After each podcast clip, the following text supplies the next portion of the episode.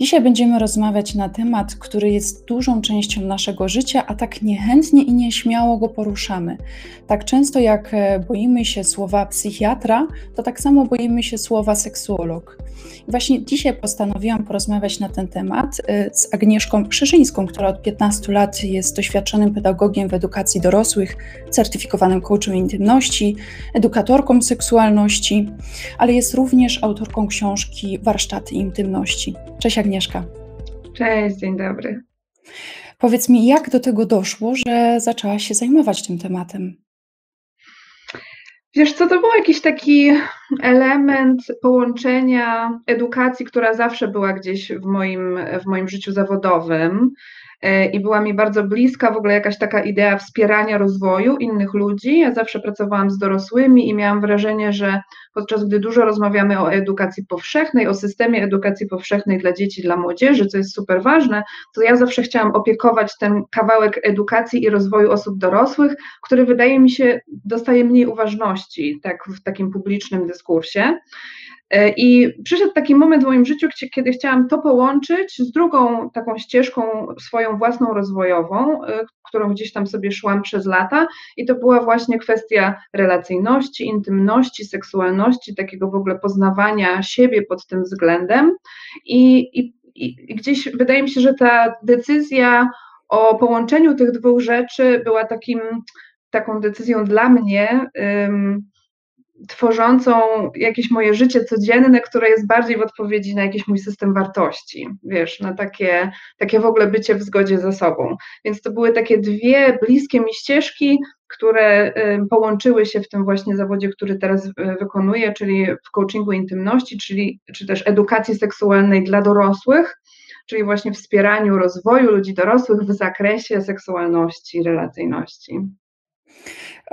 Powiem Ci, że można znaleźć czy w prasie, czy w internecie pełno artykułów na ten temat, ale tak naprawdę boimy się rozmawiać o seksie. I na, samą, na same słowo jakoś się tak wzdrygamy, staramy się unikać tego tematu. Dlaczego tak jest? Dlaczego boimy się o tym rozmawiać?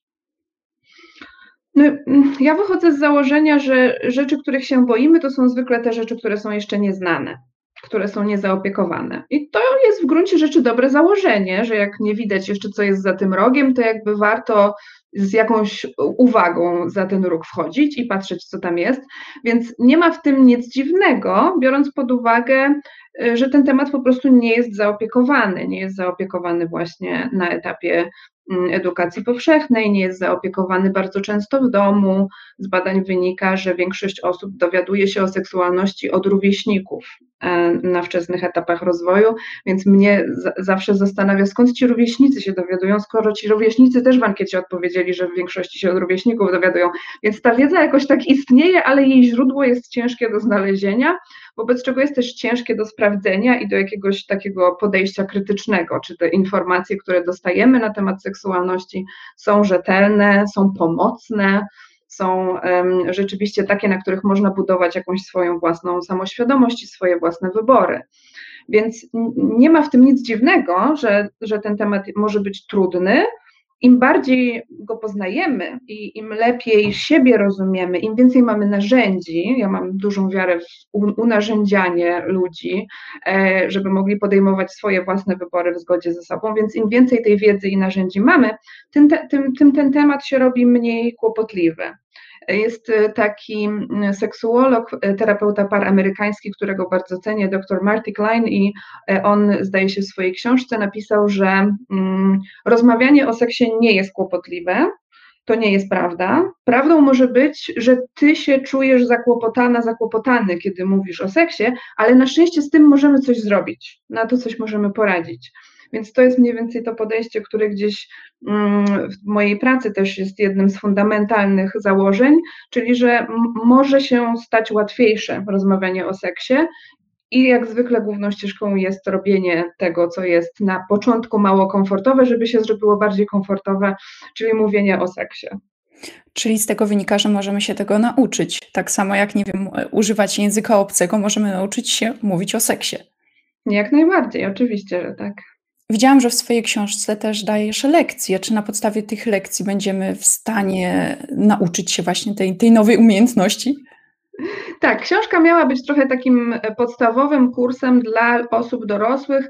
Ta książka jest bardziej um, podręcznikiem do samopoznawania się seksualnego niż do komunikacji per se, ale jakby mój, mój sposób myślenia jest taki, że im lepiej znamy siebie, tym łatwiej nam potem przychodzi podzielenie się tymi swoimi prawdami, tym, co wiemy na swój temat z drugą osobą.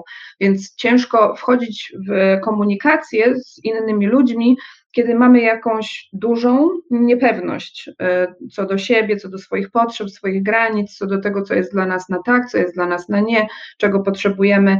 Więc e, ta książka miała być takim właśnie fundamentem do późniejszej komunikacji z partnerami, partnerkami seksualnymi, czy w ogóle w związku na temat intymności, bliskości. Super. A tak zastanawiam się nad słowem seks i intymność, czy to jest to samo, czy jednak dwie różne definicje? No tak, to jest dla mnie bardzo ciekawa kwestia. Ja wybrałam słowo intymność jako to, które mi jest bliższe, wydaje mi się bliższe temu, czym ja się zajmuję, ale to oczywiście zależy od własnej definicji. To znaczy, ja jestem y, całym sercem za tym, żeby definicja seksu również wykraczała poza tylko akt seksualny, czyli fizyczne zbliżenie dwóch osób Zresztą to jest takie zadanie, które czasami daję swoim e, kursantom, kursantkom podczas warsztatów grupowych i z tego są ogromnie zawsze ciekawe dyskusje. Pierwsze, pierwsza rzecz, którą robimy, to piszemy definicję seksu. Każdy ma chwilę czasu, żeby sobie wziąć kartkę długopis, zapisujemy definicję seksu. Już na tym etapie zaczynają się robić różne pomruki w grupie, zaczynają się jakieś komentarze, ale że to trudne, ale że to nie wiadomo, ale że to trzeba by było na dwie strony napisać, a potem wynika z tego zazwyczaj bardzo ciekawa dyskusja, w której są pytania na zasadzie, no dobra, to fizyczne spotkanie dwóch osób, a co jeżeli to jest przez internet? To przez internet to już nie jest seks, czy jednak można mieć seks bez spotkania się z tą osobą fizycznego. A czy można mieć seks, w którym się jest obok siebie, ale się nie dotykamy nawzajem, tylko każda osoba dotyka tylko swojego ciała, czy to jest seks, czy to nie jest seks i tak dalej. Więc y, to są takie pytania, wydaje mi się, które w ogóle mnie cieszy, że one nie muszą mieć koniecznie jednoznacznej odpowiedzi. Ja wybrałam słowo intymność, dlatego że ono jest dla mnie trochę szersze takie y, wchodzące, zahaczające o relacyjność, o bliskość w ogóle, bo kiedy rozmawiamy o seksie, to nie da się rozmawiać o całym życiu. Nie da się nie rozmawiać o codzienności, o obowiązkach, o, um, o pracy, o porządku w domu, o tych wszystkich rzeczach nie da się nie rozmawiać. Więc dla mnie intymność jest trochę szerszym pojęciem i intymność też dla mnie um, oznacza w gruncie rzeczy możliwość bycia z kimś w poczuciu bezpieczeństwa i dzielenia się swoją ekspresją seksualną, swoimi potrzebami, e, tym, co gdzieś tam w duszy gra, w takim poczuciu, że to, co chcemy powiedzieć, może zostać wypowiedziane i że znajdzie się dla, dla, tego przestrzeń między nami, że znajdzie się bezpieczna przestrzeń dla nas, dla naszej autentycznej ekspresji. Więc ja mam taką mniej więcej definicję intymności i, i stąd to też z komunikacją znowu bardzo się wiąże, nie? Więc dlatego to słowo gdzieś tam wybrałam sobie jako słowo klucz dla siebie. Jakie to piękne, że intymność to poczucie bezpieczeństwa i myślę, że teraz nie jedna osoba, która będzie nas słuchała, zacznie się zastanawiać, czy kiedykolwiek doświadczyła intymności. Ale to mnie cieszy, że tak jak powiedziałeś, że to jest temat, który możemy rozwijać, który możemy lepiej poznawać i jest szansa na to, że każdy z nas doświadczy takiej intymności. Bo jak wiemy z doświadczenia, że różnie to wygląda. Widziałam na Twojej stronie internetowej, że również oferujesz konsultacje indywidualne. Jestem bardzo ciekawa, z jakimi problemami do Ciebie ludzie przychodzą. No to są bardzo różnorakie rzeczy. Zazwyczaj ma to jakiś związek z, mm, ze zrozumieniem siebie lepszym, ze zrozumieniem swoich mechanizmów e, działania, swojej seksualności. E, więc zazwyczaj zaczyna się od, od czegoś, co jest e, takie bardziej konkretne, na przykład um, um, jakiś taki deklarowany um, kłopot, to może być nie mam dużego pożądania, moje libido jest niższe niż bym chciał, chciała albo nie wiem, jak mam znaleźć taką osobę do związku, z którą będę się realizować seksualnie, tak jakbym chciał, chciała tego rodzaju rzeczy, a kiedy wchodzimy w rozwiązania tych kwestii, to zazwyczaj gdzieś sprowadza się to właśnie do zrozumienia tego na przykład, jak działa nasz mechanizm pożądania, czyli jakie potrzebujemy mieć spełnione warunki do tego, żeby nasze pożądanie mogło się uaktywnić i mogło chcieć się realizować. No i właśnie to samo poznanie jest gdzieś takim, takim, mm, taką bazą, na której tak naprawdę ogromną większość różnych kłopotów, z którymi osoby przychodzą, się rozwiązuje, rozwiązuje w procesach indywidualnych.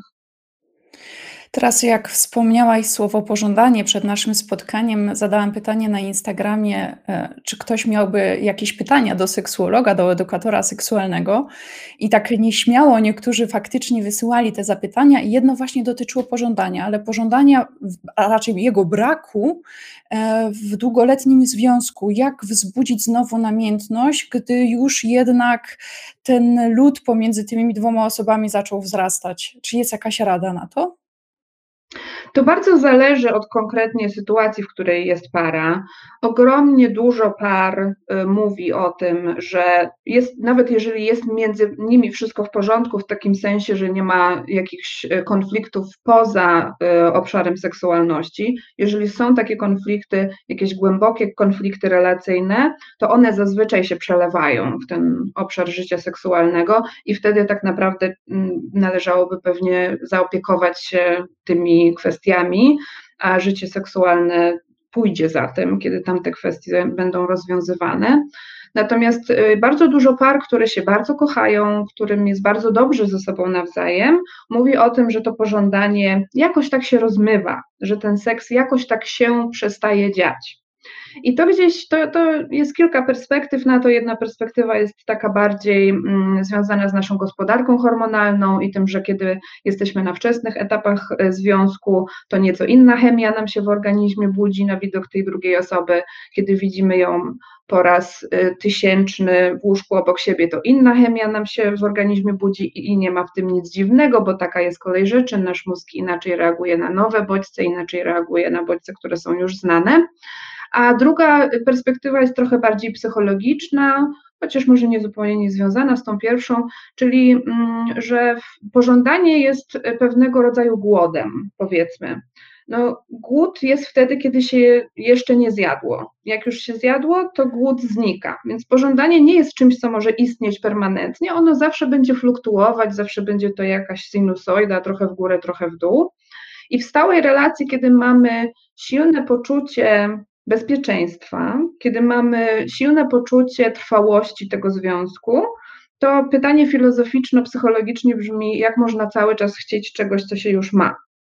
Jak można nadal pożądać czegoś, co już jest pewne, co już jest bardzo blisko? Pożądanie jest trochę takim mechanizmem przyciągającym ludzi do siebie, więc jeżeli jesteśmy super blisko, to to pożądanie nie ma tego dystansu, które mogło, mogłoby zamknąć pomiędzy nami. No i wtedy główne strategie działania to jest po pierwsze zaaplikowanie sprawczości do tego procesu, czyli wyjście z założenia, że seks nigdy się nie dział sam, bo taka jest prawda, że to zawsze te, te osoby decydowały, że będą miały seks, nawet jeżeli to nie było super świadome, tylko samo się działo, to tak naprawdę nigdy się samo nie działo, a teraz tę sprawczość bierzemy rzeczy w swoje ręce, tę, tę sprawczość um, zaczynamy realizować i y, na przykład staramy się robić ze sobą nowe rzeczy, staramy się y, robić oddzielnie coś po to, żeby potem móc znowu ten dystans pomiędzy sobą skrócić. Robimy różne rzeczy, na które Kiedyś na początku związku zazwyczaj czas się znajdował sam, takie jak randkowanie, takie jak specjalne okazje, takie jak wyłączenie całej reszty życia i skupienie się tylko na tej jednej osobie, to w, starszy, w dłuższej relacji z większym stażem potrzebujemy decyzyjności w tworzeniu okazji do tego czyli w pisaniu w kalendarz, że w tę niedzielę wieczorem żadne z nas nie podejmuje żadnych innych zobowiązań oprócz siebie nawzajem. Wyłączamy cały świat, reszta świata nas nie interesuje, skupiamy się tylko i wyłącznie na sobie. I nie chodzi tutaj o to, żeby zrobić sobie presję na to, że teraz w tę niedzielę wieczorem trzeba koniecznie seks uprawiać, tylko po prostu, żeby mieć w kalendarzu czas tylko i wyłącznie dla siebie nawzajem. Takie są mniej więcej strategie działania, ale znowu to bardzo zależy od indywidualnego przypadku. Kiedy mamy jakieś kwestie związane z pożądaniem do rozwiązania, to na pewno pierwszy krok to może być udanie się na podstawowe badania hormonalne, żeby wykluczyć różne kwestie związane z gospodarką hormonalną, takie fizjologiczne, i dalej możemy iść, jeżeli tam jest wszystko w porządku, to dalej możemy iść w takie strategie związane z zachowaniem relacyjnym. Na podstawie tego, co powiedziałaś, wnioskuję, że do tanga trzeba dwojga i tak naprawdę w tym momencie to jest temat dla dwóch osób, bo bardzo często się tak zdarza, na przykład ja z mojego doświadczenia, jak są różne tematy związkowe, przychodzą, przychodzi do mnie tylko jeden z partnerów i chce sam pracować nad tym, no ale żeby coś takiego zrobić, co ty powiedziałaś, to potrzeba jednak e, zgody dwóch partnerów i pracy dwóch partnerów. Tak, no, życie seksualne jest takim obszarem też życia relacyjnego, w którym potrzebujemy tych dwóch osób. Znaczy, seks oczywiście istnieje w relacji poza tą dwuosobowością, czyli każda osoba też ma swoją własną seksualność indywidualną i to jest zresztą jedna z tych kwestii, którymi można się zaciekawiać i można się siebie uczyć nawzajem i się zbliżać, dowiadywać nowych rzeczy o sobie, to jest bardzo wartościowe, ale tak, zazwyczaj wymaga to jakiegoś rodzaju kooperacji, ja jestem tego zdania, to pochodzi trochę, to jest myślenie pochodzące gdzieś z podejść systemowych, terapeutycznych. Jak zmieniamy jeden element systemu, to cały system nie pozostaje bez zmiany. Czyli nawet wtedy, kiedy ja pracuję z jedną osobą w związku, to ten związek nie, nie będzie tym samym związkiem, dlatego że ta osoba się zmienia. Czyli jakby e, finalna wersja tego, jak ten związek wygląda, ponieważ jest zależna od niej, to będzie się zmieniać wtedy, kiedy ona będzie się zmieniała, podejmowała inne wybory, była bardziej świadoma, lepiej wiedziała, czego chce dla siebie, czego chce, czego nie chce, jakie są jej granice i tak dalej. Więc jak najbardziej możliwe jest pracowanie nad relacją, kiedy pracujemy w procesie indywidualnym z jedną osobą też.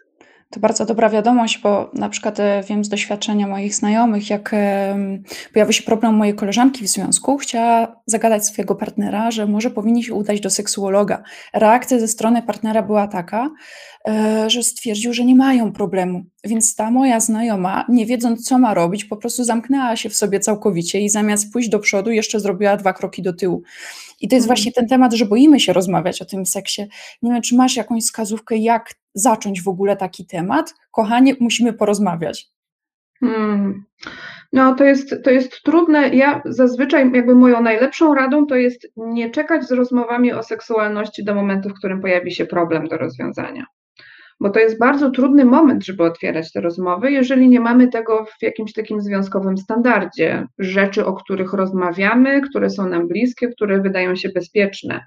I wtedy nic dziwnego, jeżeli taki komunikat przychodzi, nigdy wcześniej nie rozmawialiśmy na poważnie o naszym życiu seksualnym, ewentualnie jakoś w żartach albo w jakichś krótkich komentarzach, ale nigdy nie było poważnej rozmowy, to nic dziwnego, że się można wystraszyć. Nie?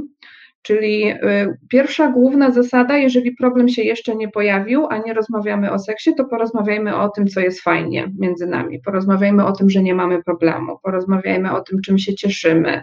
Powiedzmy drugiej osobie, co lubimy w niej, w jej seksualności, w naszym wspólnym seksie, i to będzie pewien fundament, który będzie sprawiał, że jeżeli kiedyś pojawi się jakiś kłopot do rozwiązania, to będzie znacznie bezpieczniej pomiędzy nami i w, tej, w tym obszarze seksualności. Będzie znacznie większa szansa, że będzie przestrzeń do negocjacji, do rozmowy, do właśnie takiego poczucia bezpieczeństwa, że nie będzie jakiejś takiej potrzeby wycofania się z tego trudnego tematu, którego do tej pory na, między nami nie było, a, a teraz jest i w tej wersji powiedzmy odczuwanej jako negatywna. Nie? Cieszę się, że teraz mamy takie możliwości, żeby na, na przykład udać się do takiej osoby jak ty i wyedukować się już tak naprawdę jako dorosłe osoby i życzę sobie i innym, żeby korzystali z takiej pomocy, bo to jest niesamowite, ile może się zmienić w życiu, jak człowiek zaczyna nagle rozmawiać, nagle zaczyna akceptować swoją seksualność. To jest, myślę, że sami sobie, że większość z nas nie zdaje sobie sprawy z tego, jak to jest ważne, jaki ma to wpływ na nasze życie. Mm, no ja jestem zdania, że tak, że nasza seksualność jest taką bardzo integralną częścią naszego doświadczenia jako istot ludzkich w ogóle. I to nie znaczy, że ona musi zawsze mieć jakąś ekspresję na zewnątrz, ale że jest gdzieś ten element w nas, i nie jestem zdania, że każdy i każda musi się zajmować seksem, że każdy i każda musi poświęcać temu tematowi uwagę i się znać najlepiej jak można. Nie, w, jakby w odpowiedzi na własne potrzeby. Jeżeli kogoś ten temat nie interesuje, nie chce się w tym obszarze dowiadywać, rozwijać, jeżeli ta osoba jest zadowolona ze swojego życia seksualnego, świetnie, cudownie. Jeżeli jest coś, co chcemy, żeby było inaczej, to wtedy jest ten moment na jakieś zaopiekowanie się sobą. Fajne jest to, co powiedziałaś. To tak jak e, pracuję w temacie akurat procesach zmian i zawsze zadaję klientowi pytanie, czy na pewno chcesz się zmienić. I to jest właściwie to, co ty teraz powiedziałaś. Jeżeli nie chcesz, to się nie interesuj. Po co? Nie musisz być tacy, taka jak, taki jak wszyscy. Fajne, fajne. Słuchaj, dostałam jeszcze jedno pytanie, jak e, właśnie z tych pytań instagramowych. Dotyczyło mhm. to filmu, który był kiedyś i książek Fifty Shades of Grey. I pomimo, że już wiele razy rozmawiało się na ten temat, jednak on ciągle wraca i wypływa. Jestem bardzo ciekawa Twojego zdania na ten temat, na temat BDSM, bo to z jednej strony nas kręci, z jednej strony nas podnieca, trochę nas, nas przeraża, ale o co tak właściwie w tym chodzi? No to jest oczywiście temat, y, któremu mogłybyśmy trzy godziny poświęcić osobnej rozmowy, nie?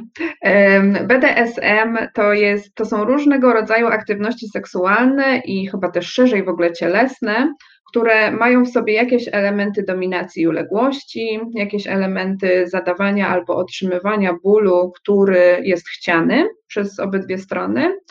I to często gdzieś tam pojawia się w dyskusjach o BDSM słowo kontrola czyli posiadanie kontroli, albo przejmowanie kontroli, albo od, odpuszczanie, czy też oddawanie kontroli nad sobą drugiej osobie.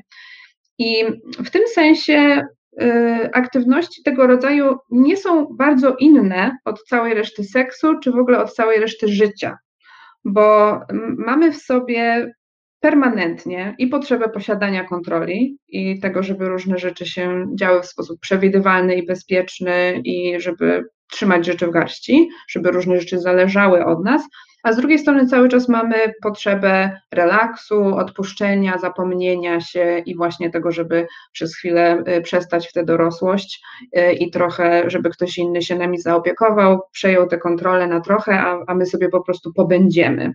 Więc BDSM jest trochę sposobem na spełnianie tych potrzeb. Jednym ze sposobów, bo mm, są osoby, które będą te same potrzeby spełniać w ogóle poza seksualnie, są osoby, które będą je spełniać w seksie tak zwanym waniliowym, czy też takim, który jest gdzieś uważany za mm, przynależny do tego, co w jakimś takim społecznym skrypcie seksualnym się znajduje, co można zauważyć w jakichś mainstreamowych filmach i serialach, a są osoby, które będą sięgały po BDSM, żeby spełnić te potrzeby. Więc w tym sensie te aktywności nie są inne, tak samo jak wszystkie inne aktywności seksualne gdzieś spełniają jakąś naszą e, potrzebę.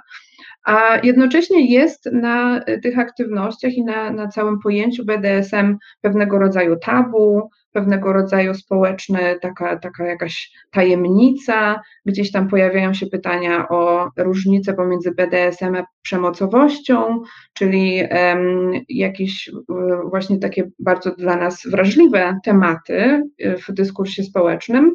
I to może sprawiać, że pojawia się więcej ciekawości wobec tego tematu, bo te zakazane owoce są ciekawsze, a przekraczanie tabu jest jednym z, jedną z takich powtarzających się narracji w seksualności. Seksualność jest tym obszarem, w którym wiele osób pozwala sobie na przekraczanie tabu, którego może w życiu tak zwanym codziennym niekoniecznie tak po to sięgamy.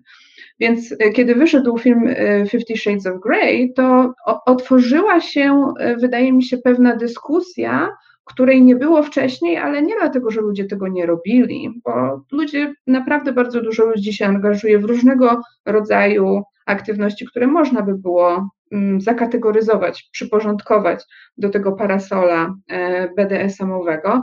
Już jakby ilość kajdanek, które można znaleźć w seks shopach, jakichś różnych e, takich rzeczy do wiązania, przywiązywania się i opasek na oczy, to są wszystko elementy właśnie BDSM-owe, oddawania kontroli komuś czy przejmowania kontroli nad kimś.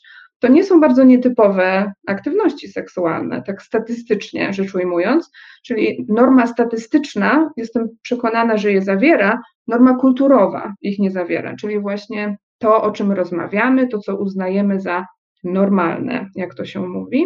A Fifty Shades of Grey trochę otworzyło ten temat właśnie i wprowadziło BDSM w normę kulturową bardziej.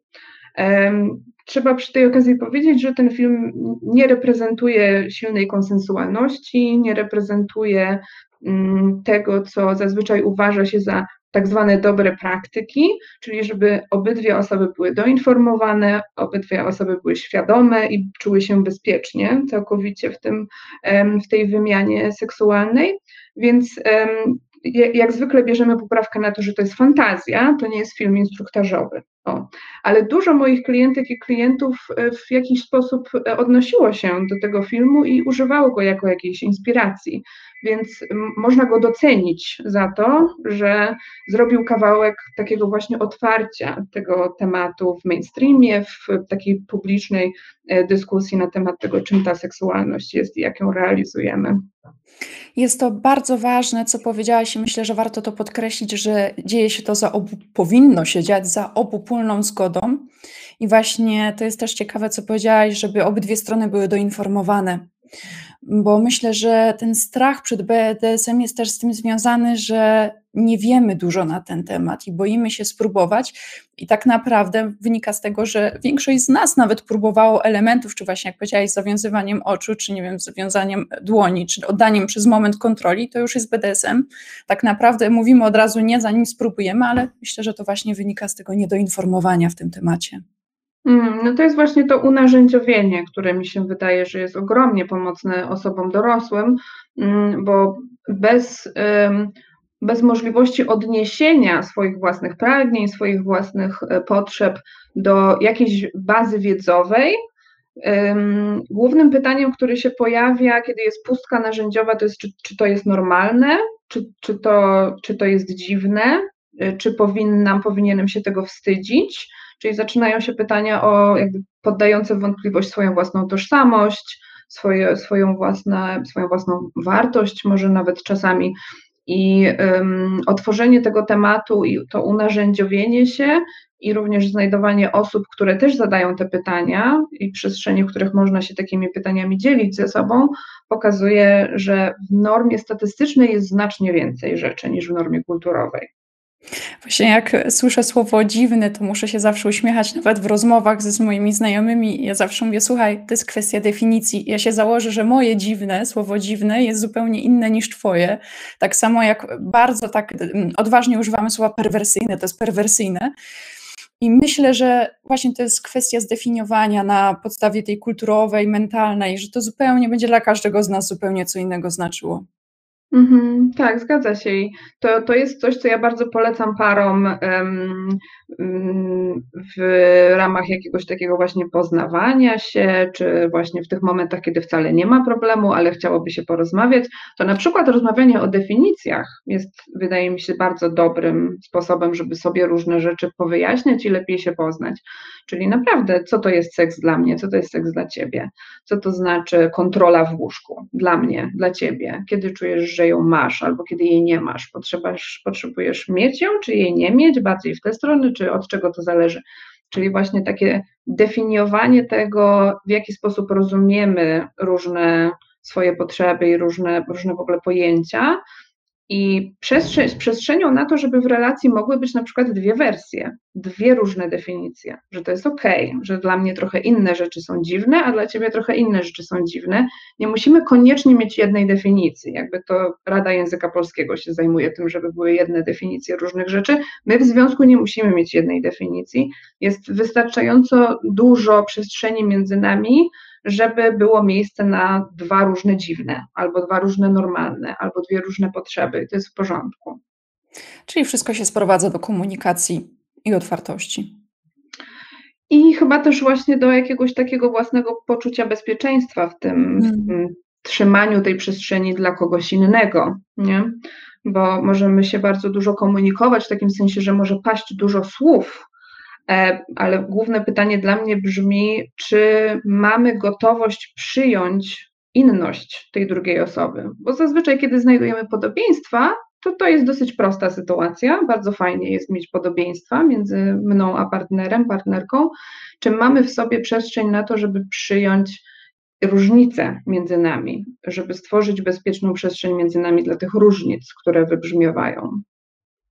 Jak już jesteśmy przy kwestii definicji, zastanawiam się jeszcze, bardzo często pojawia się temat takiego ostrego seksu, seksu, którego widzimy, który mamy okazję widzieć w filmach pornograficznych. Ja wiem, że bardzo nie lubisz stereotypów i wychodzisz z tego tematu, ale to też jest taki stereotyp, że głównie mężczyźni lubią taki ostry seks, preferują go, a kobiety, które się na to zgadzają, to zgadzają się tylko, żeby zaspokoić mężczyznę. Czy są kobiety, które też lubią taki ostry, instynktowny seks?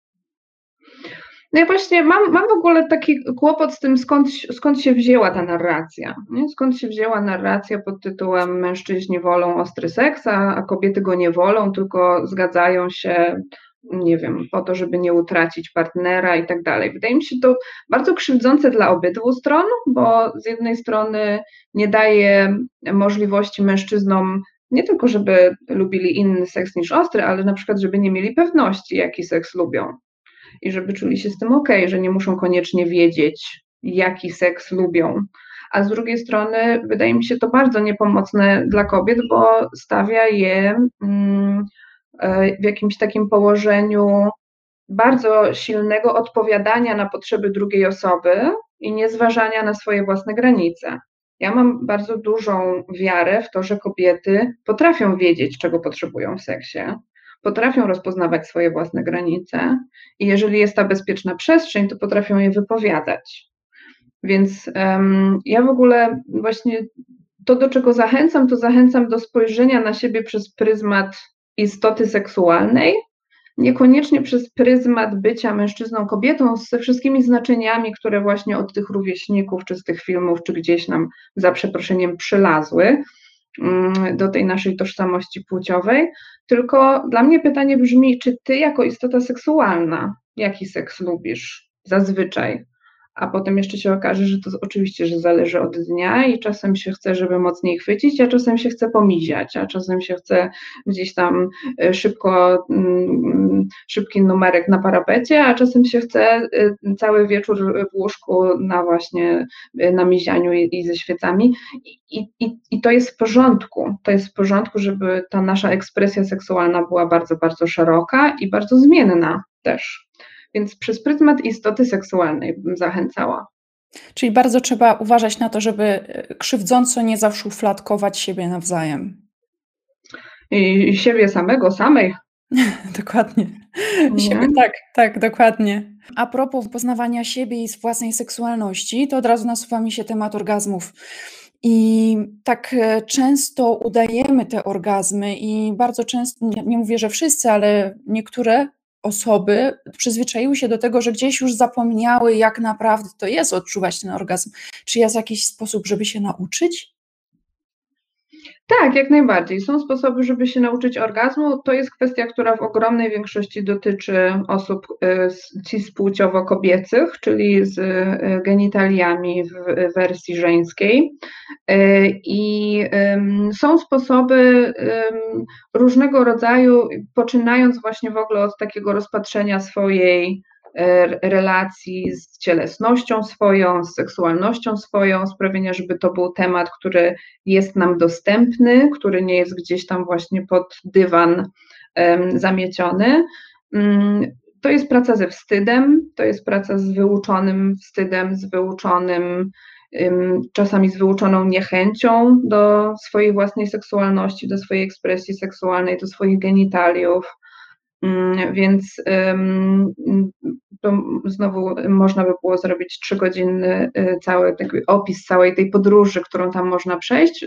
Bardzo zależy też od tego, jak y, dana kobieta, na jakim etapie swojego procesu poznawania się jest, ale takie powiedzmy mm, stałe elementy takiej podróży, które się zazwyczaj pojawiają, to jest obejrzenie swoich genitaliów z lusterkiem, żeby w ogóle się dowiedzieć, jak my wyglądamy, jeżeli jeszcze nie było ku temu okazji. E, I to jest ćwiczenie, które też warto sobie co jakiś czas powtarzać. Mm, nie po to, żeby z tego wynikło nie wiadomo co, tylko po prostu, żeby mieć kontakt taki wzrokowy z tym, jak nasze genitalia wyglądają, dawać im jakąś uwagę, dawać im jakąś opiekę.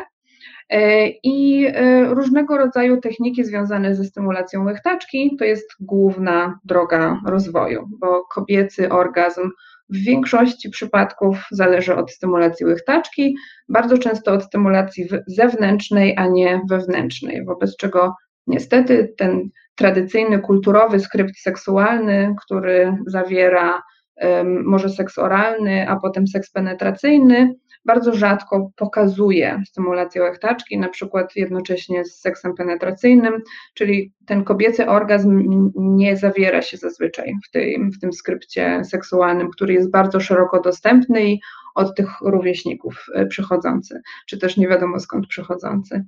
E, więc jest to w ogóle takie trochę budowanie świadomości swojego ciała i pytanie się swojego ciała, moje drogie ciało, co ty lubisz? Gdzie ty lubisz, żeby cię dotykać? Jak lubisz, żeby cię dotykać? Mocno, delikatnie, kółkami, lewo, prawo, góra, dół, co ty lubisz? Mogę polecić jedno źródło, które jest bardzo fajnym, wydaje mi się, źródłem informacji na ten temat. Y, wersje są różnojęzykowe, angielska, ale chyba polskiej cały czas nie ma niestety. Y, to jest strona OMGYes, omgyes.com y, i tam jest w gruncie rzeczy dostępny kurs E, stymulacji zewnętrznej genitaliów żeńskich z instruktorzowymi film, filmami, z wykresami, z informacjami zebranymi od tysięcy kobiet, czyli wynikającymi z badań statystycznych. E, I to jest jedno też z narzędzi, którymi można się posługiwać w tej podróży ku uczeniu się orgazmu. To jest fascynujące, co opowiadasz. Na pewno po naszej rozmowie zerknę e, na tą stronę sama z ciekawości. I tak naprawdę płynnie przechodzimy do tematu stymulacji, czyli masturbacji, która mm, jest związana silnie w naszym kraju akurat kulturowo i związana jest z naszą religią, że jest to coś złego, że jest to, mm, tego się nie robi, e, o tym się nie mówi, a jednak okazuje się e, z tego, co powiedziałaś, że jest to bardzo ważne. No, jest to jedna z podstawowych metod poznawania siebie i swojej seksualności i właśnie kontaktu z własnym ciałem. E, I takie narracje mówiące o rękach na kołderce i różne inne takie właśnie zniechęcające do poznawania siebie, one mogą, nie muszą, ale mogą mieć jakiś wpływ na to, że nie znamy swojego ciała, że czujemy jakiś rodzaj wyobcowania, E, wobec niego i że wobec tego nie mamy e, jakby takiej silnej po, po, podstawy samoświadomości, żeby dać znać partnerowi, partnerce, co nam sprawia przyjemność, czyli też, żeby ktoś nam mógł dać taką przyjemność co może prowadzić do tego, że partner, partnerka są trochę we mgle, szukając jakichś takich możliwości i czasami im się udaje znaleźć i świetnie, i super, i wtedy zapisujemy w pamięci, mm, ale y, na, na pewno masturbacja jest jednym z narzędzi samopoznania seksualnego. Ale znowu, nie chodzi o to, żeby tworzyć sobie jakąś kolejną presję. Presji i różnych nakazów i zakazów mamy już wystarczająco dużo w zakresie seksualności, więc jeżeli nie mamy ochoty się masturbować, to się nie masturbujemy i kropka. I tylko jeżeli mamy jakąś e, ciekawość i mamy jakąś potrzebę rozwijać ten obszar naszego życia, jeżeli czujemy, że nie jest tak rozwinięty, jak, jakby się chciało, to wtedy jest przestrzeń na to, żeby się zainteresować, co by to mogło być. Ja też bardzo lubię definicję samomiłości, która dla mnie jest znowu szerszą definicją, czyli związaną nie tylko ze stymulacją genitaliów, ale w ogóle z miłym dotykaniem swojego ciała, czy nawet szerzej miłym traktowaniem swojego ciała i dawaniem mu różnego rodzaju przyjemności, która może być seksualna, erotyczna, ale wcale nie musi. Tutaj nawet postanie dłużej pod prysznicem można by było zakategoryzować jako samomiłość, jeżeli już jest wszystko czyste i wypucowane, ale nadal fajnie jak ta ciepła woda po plecach leci. No może to jest samomiłość. Tak się cieszę, że powtarzasz często w, w czasie naszej rozmowy, że to jest ok. Czyli to, jaki jesteś, jest ok. Jesteś ciekawy, to jest ok. Nie jesteś ciekawy, to jest ok. Czyli takie obserwuj, akceptuj. Chcesz się mhm. zmienić, to się zmień, ale najpierw obserwuj i akceptuj. To jest naprawdę piękne i warto to podkreślać. Jeszcze na sam koniec mam e, jedno pytanie związane myślę, że pytanie jest ważne dla naszych słuchaczy, związane z chorobami, które są przenoszone drogą płciową. Mam takie doświadczenie, wcześniej pracowałam bardzo dużo jako fotograf mody i podczas jednego takiego wieczoru babskiego z młodymi dziewczynkami, z którymi współpracowałam, modelkami, jedna z nich, mająca 20 lat, była bardzo zaskoczona, że można zarazić się w sposób oralny kiłą. I nie wiem, kto był bardziej zaskoczony, czy ja, że ona jest zaskoczona w tym wieku, będąc aktywną seksualnie osobą, czy po prostu no, to było niesamowite wydarzenie. I chciałabym, żebyś też powiedziała dwa, trzy zdania na ten temat, bo większości z nas się wydaje, że prezerwatywa służy tylko do tego, żeby nie zajść w ciąży. Hmm. No to niestety są te kwestie, które naprawdę warto by było, żeby były zaopiekowane na wczesnym etapie rozwoju, czyli w edukacji młodzieży, zanim jeszcze e, osoby zaczną życie seksualne. E, I seks oralny chyba w jeszcze większym stopniu niż na przykład seks penetracyjny jest postrzegany jako niestanowiący zagrożenia, a podczas seksu oralnego można y, przenieść różnego rodzaju infekcje z jednego ciała na drugie. Mm, no i tutaj zaczyna się cała debata na przykład o właśnie zabezpieczeniach w seksie oralnym. Czy seks oralny w ogóle ma rację bytu, jeżeli mamy się zabezpieczyć prezerwatywą, tudzież chusteczką lateksową, czy jakimś innym sposobem dostępnym w kierunku genitaliów rodzaju żeńskiego. E, I tak, to na pewno jest temat, który warto by było zaopiekować znacznie bardziej właśnie w taki sposób systemowy. Mm, mamy w tej chwili różnego rodzaju e, programy, które zajmują się propagowaniem wiedzy na temat infekcji przenoszonych drogą płciową. W dużych miastach są miejsca, gdzie można wykonać kilka podstawowych badań na takie infekcje za darmo i anonimowo więc bardzo polecam również spojrzenie sobie, gdzie takie najbliższe miejsce lokalizacyjnie jest, gdzieś w naszej właśnie okolicy, bo są sposoby na to, żeby ten temat otworzyć bez dodatkowych wydatków i pakiety takich e, badań, e, które zawierają bardzo dużą ilość podstawowych chorób, na które warto się zbadać, są dostępne w ogromnej większości laboratoriów, jeżeli nie wszystkich, więc też niekoniecznie trzeba rozkminiać absolutnie wszystko. Niekoniecznie trzeba stać się ekspertem, ekspertką od infekcji przenoszonych drogą płciową, e, żeby zadbać o swoje zdrowie. Można poprosić lekarza o podstawowe skierowanie, na takie badania y, można pójść do laboratorium i zapłacić za pakiet, w którym będą takie najważniejsze badania. I to można potraktować jako kolejny element dbania o siebie, bo zdrowie seksualne jest elementem naszego szeroko pojętego seksualnego dobrobytu. Więc to wcale nie leży tak daleko od przyjemności, to wcale nie leży tak daleko od um, intymności, rozumianej jako właśnie bezpieczeństwo wspólne w naszej relacji. E, I to jest jeden z tematów, które są bardzo wrażliwe, które dla wielu osób są trudne, bo istnieje dużo znowu takich niepomocnych przekonań, na przykład, że trzeba się nasypiać z wieloma osobami, żeby coś, jak to się brzydko mówi, złapać co zupełnie nie jest prawdą, bo znowu to jest jakby statystyka i, przypadkowość tutaj wchodzą. Natomiast y, takie właśnie kulturowe przyporządkowanie infekcji przenoszonych drogą płciową do jakiegoś pojęcia rozwiązłości, jakiegoś pojęcia wykorzystywania seksualności nie w taki sposób, jak norma przewiduje, jest bardzo niepomocne, bo tam zupełnie nie ma powiązania.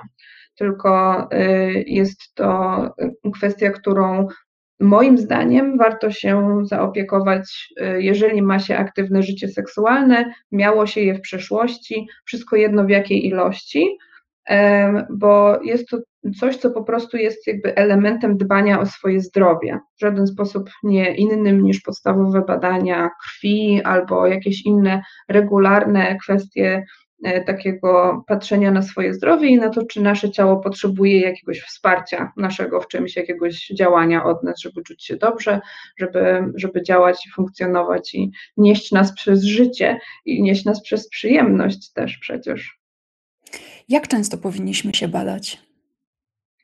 To oczywiście bardzo zależy właśnie od tego, w jaki sposób wchodzimy w kontakty z innymi osobami, na ile one są zabezpieczone i tak dalej, ale myślę, że można sobie przyjąć, że w takich kontaktach, gdzie mamy, wchodzimy w kontakty z kilkoma osobami w jakichś, w jakichś konfiguracjach, tak zwana seryjna monogamia na przykład tutaj jest takim przykładem, to przyjęcie sobie, że na przykład raz na rok bez względu na to, jakby, czy czujemy, że była możliwość, czy nie było możliwości, żeby coś nam się przydarzyło, to warto po prostu pójść i mieć takie przyzwyczajenie, że patrzymy, czy, czy wszystko jest po dobrej stronie, czy, czy jest coś do zaopiekowania.